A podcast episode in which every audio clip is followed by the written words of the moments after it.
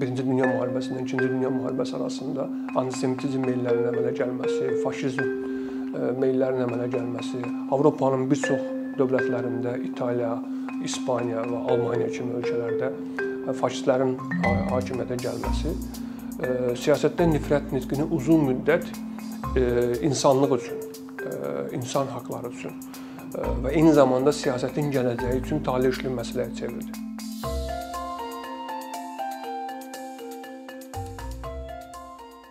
Siyasətdən nifrət nitqi anlayışı barədə danışmazdan öncə ilk ön, öncə mənə elə gəlir ki, biz 20-ci əsrin əvvəllərinə geri qayıtmalı və 1920-ci illərdən başlayaraq Avropada milli, dini, etnik, siyasi ayrı-seçkilik zəminində diskussiyalara nəzər salmalıyıq. Çünki Avropanın siyasi tarixi göstərir ki, 1920-ci illərdən başlayaraq xüsusilə də faşizm meyllərinin ortaya çıxması, etnik zəmində millətçiliklər, siyasi ayrı-seçkiliklər, sinfi ziddiyyətlər siyasətdə nifrət nitqinin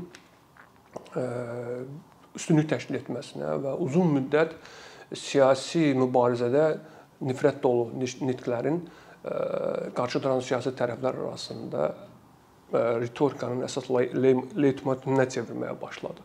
Xüsusilə də bu 1920-ci, 30-cu illərə aiddir. Çünki sonrakı 10 illiklər ərzində Birinci Dünya müharibəsindən İkinci Dünya müharibəsi arasında antisemitizm meyllərinin əmələ gəlməsi, faşizm meyllərin əmələ gəlməsi, Avropanın bir çox dövlətlərində İtaliya, İspaniya və Almaniya kimi ölkələrdə faşistlərin hakimiyyətə gəlməsi siyasətdə nifrət nitqini uzun müddət insanlıq üçün, insan haqları üçün və eyni zamanda siyasətin gələcəyi üçün taleyüşlü məsələyə çevirdi.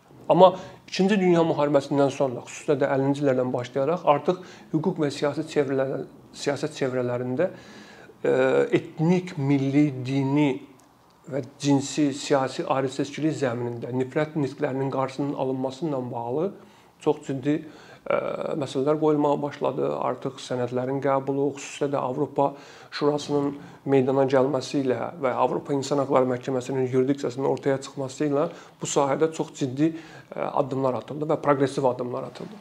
Mən ümumilikdə bu diskussiyalar kontekstində üç məsələyə toxunmaq istərdim. Çünki bir sıra hallarda bəzi şəxslər ifadə azadlığı anlayışı ilə nifrət nitqi məsələsini qarışdırırlar. Xüsusilə də müşahidə olunur ki, nifrət nitqlərini müdafiə etmək cəhdləri arasında ifadə azadlığının verdiyi imkanlara sığınma var. Bu təbii ki, yol verilməzdir. Bu hardasa manipulyasiyadır. Birincisi ifadə azadlığına o zaman sığınmaq olmaz ki, söhbət etnik, milli, dini, irqi və cinsi o cümlədən siyasi ayrı-seçkilik kontekstində başqa fərdlərin, başqa bir toplumun, yəni özündən olmayan, e, özünün e, səndən fərqli olan insanların e, qarşı zorakılığın, nifrətin, kin-küdurətin aşılanmasından gedir. Bunun nəticəsi olaraq cəmiyyətdə çox ciddi ziddiyyətlər yarana bilər, zorakılıq meydana meydana çıxa bilər və siyasətdə ünsiyyət artıq mümkünsüz ola bilər. Nəticədə də siyasi pluralizm ötən əsrin 20-ci, 30-cu illərində olduğu kimi zədələnə bilər. İkinci bir məsələ ifadə azadlığı elə şəkildə qoyulmalıdır ki, azlıqda olan milli, dini, etnik qrupların, cinsi qrupların, cinsi azlıqların, e, siyasi qrupların e, özlərini gücsüz və köməksiz hiss etməsi ilə bağlı durum yaranmasın. Yəni bütün qruplara özünü ifadə ilə bağlı imkan tanımaq lazımdır. O zaman ifadə azadlığı daha ədalətli şəkildə tənzimlənmiş olar. Nəhayət e, üçüncü əsas e, diqqət çəkən arqumentlərdən biri də budur ki, ifadə azadlığı o zaman məhdudlaşdıra bilər ki, legitim məqsədlər naminə cəmiyyətin demokratik təsisatlarına təhlükə yaranmış olsun.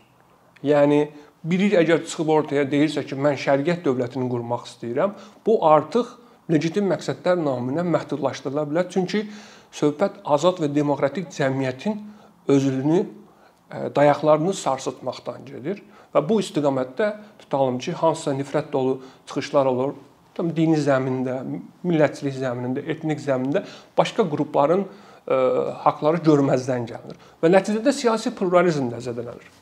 Azərbaycan kontekstində bu məsələyə baxdıqda bizim ölkəmizin müstəqillik tarixi əlbəttə 30 il təxminən civarındadır ki, bizdə azadlıq, demokratiya dəyərləri müzakirə perioduna çevrilməyə başlayıb. Xüsusilə də diqqəti yetirməliyik ötən ə, əsrin 90-cı illəri, yəni müstəqilliyin əldə olunması və bundan sonrakı dövrdə baş verən siyasi proseslərə. E, deməli 90-cı illərin yəni siyasi təcrübəsi çox pis örnəklər ortaya qoydu.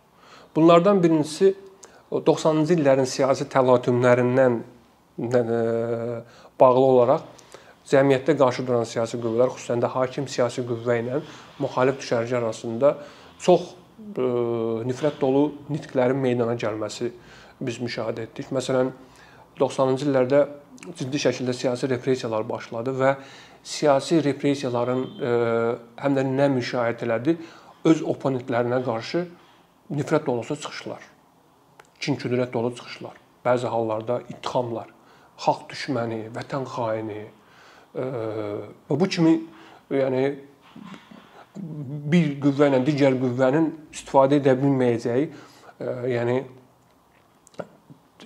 kifayət qədər kini güdərəti körüşləyən yəni meyllər. Sonrakı bu illərlə davam etdi. Sonrakı dövrdə daha başqa meyllər ortaya çıxmağa başladı.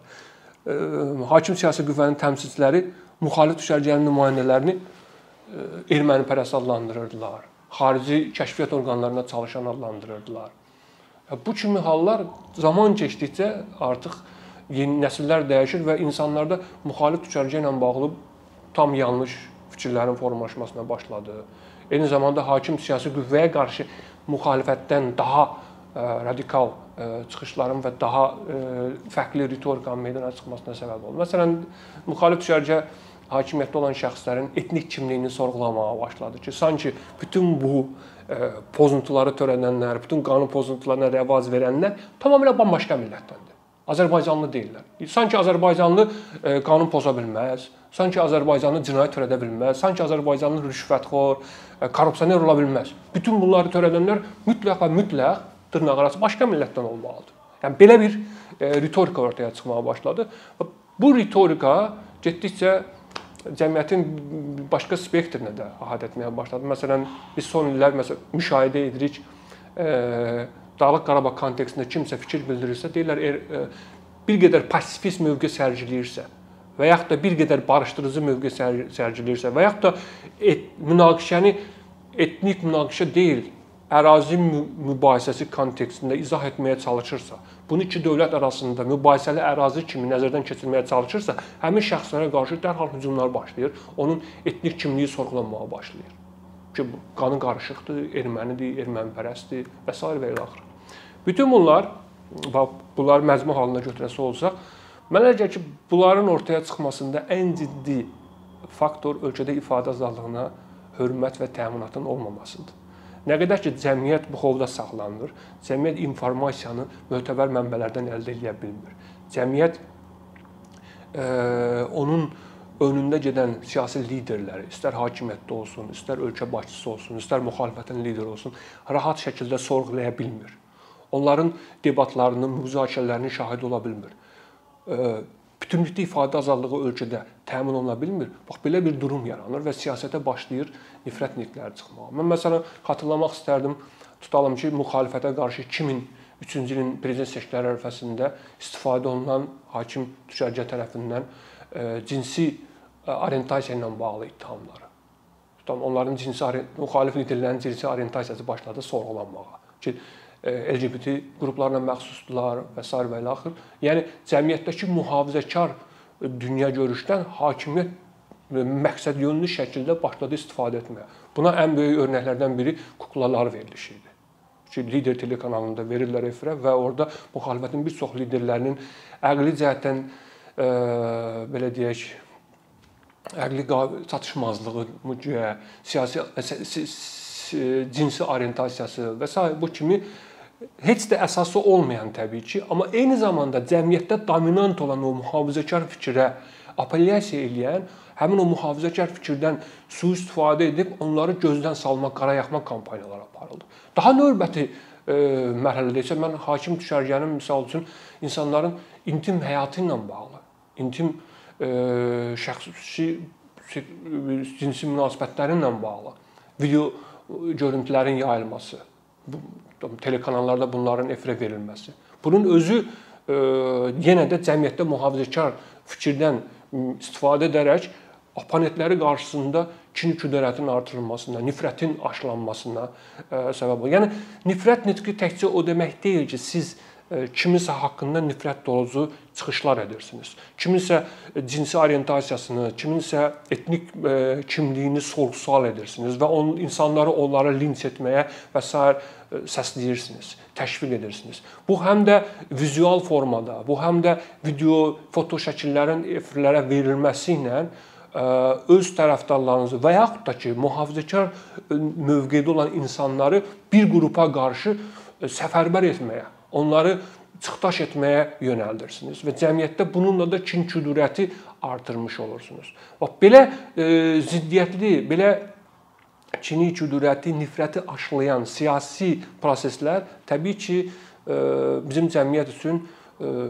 heç də uğurlu bir gələcək vəd etmir. Bütün bunların bir həlli yolları tapılmalıdır. Yenə də qayıdıram o məsələyə ki, ən önəmli həlli yolu ifadə azadlığına bütün tərəflərin hörmət etməsidir. Hakim siyasi qrup da buna hörmət etməlidir. Hakimiyyətdə olmayan, müxalifətdə olan siyasi qrup da və yaxud da cəmiyyətin başqa spektr nümayəndələri də mütləq ifadə azadlığına hörmətdən başlamalıdırlar ki, yəni hər kəsin mənsub olduğu etnik, milli, siyasi, cinsi qrupdan asılı olmayaraq, mövqeyindən, cinsi orientasiyasından asılı olmayaraq bu cəmiyyətdə eşidilmək haqqı var. Bu cəmiyyətdə ifadə olunmaq haqqı var və bu haqqına hörmət qoyulmalıdır. Cəmiyyətin bütün üzvləri bərabər hüquqludur. Cəmiyyətin bütün vətəndaşları e, ifadə azadlığından bərabər şəkildə yararlanmalıdırlar. Özlərini ifadə etmək üçün, öz mənafələrini qorumaq üçün. Bunlara hörmət birinci növbədə məsuliyyət daşıyan yenə deyirəm hakimiyyətdir. Çünki bütün inzibati resurslar onların əlindədir. Məhkəməyə nəzarət edirlər, ədliyyəyə nəzarət edirlər, prokurorluğa nəzarət edirlər, polisə nəzarət edirlər. Bu siyasi qüvvə hər şeyin daha bir nömrəli deməli cavabdehidir. Amma eyni zamanda cəmiyyətdə ictimai fikrin formalaşmasında rol olan şəxslərin də, ziyalıların da, müxalif və yaxud da ki, qeyri-müxalif demokratik qüvvələrin, demokratik qrupların, siyasi qrupların da bir məsuliyyəti var idi. Yəni bu məsələdə kin, nifrət və küdur, e, nifrət e, dolu çıxışlar məsələsində e, cəmiyyətin sağlam qüvvələri, demokratik qüvvələri də ayrı-seçkilik etməməlidirlər. Etnik azlığın nümayəndələrində, siyasi azlığın nümayəndələrində, cinsi azlığın nümayəndələrində, milli azlığın nümayəndələrində bərabər şəkildə müdafiə olunmalıdır. Və birinci növbədə bu məsələ ifadə azadlığına hörmətdən başlamalıdır. İfadə azadlığına hörmət və ifadə azadlığına təminat. Bunlar olmadan, bunlara çözmədən əfsuslar olsun ki, siyasi pluralizmi qorumaq və siyasi pluralizmin e, müdafiə e, yönündə də kin və nifrət dolu çıxışların qarşısını almaq çətin olacaq.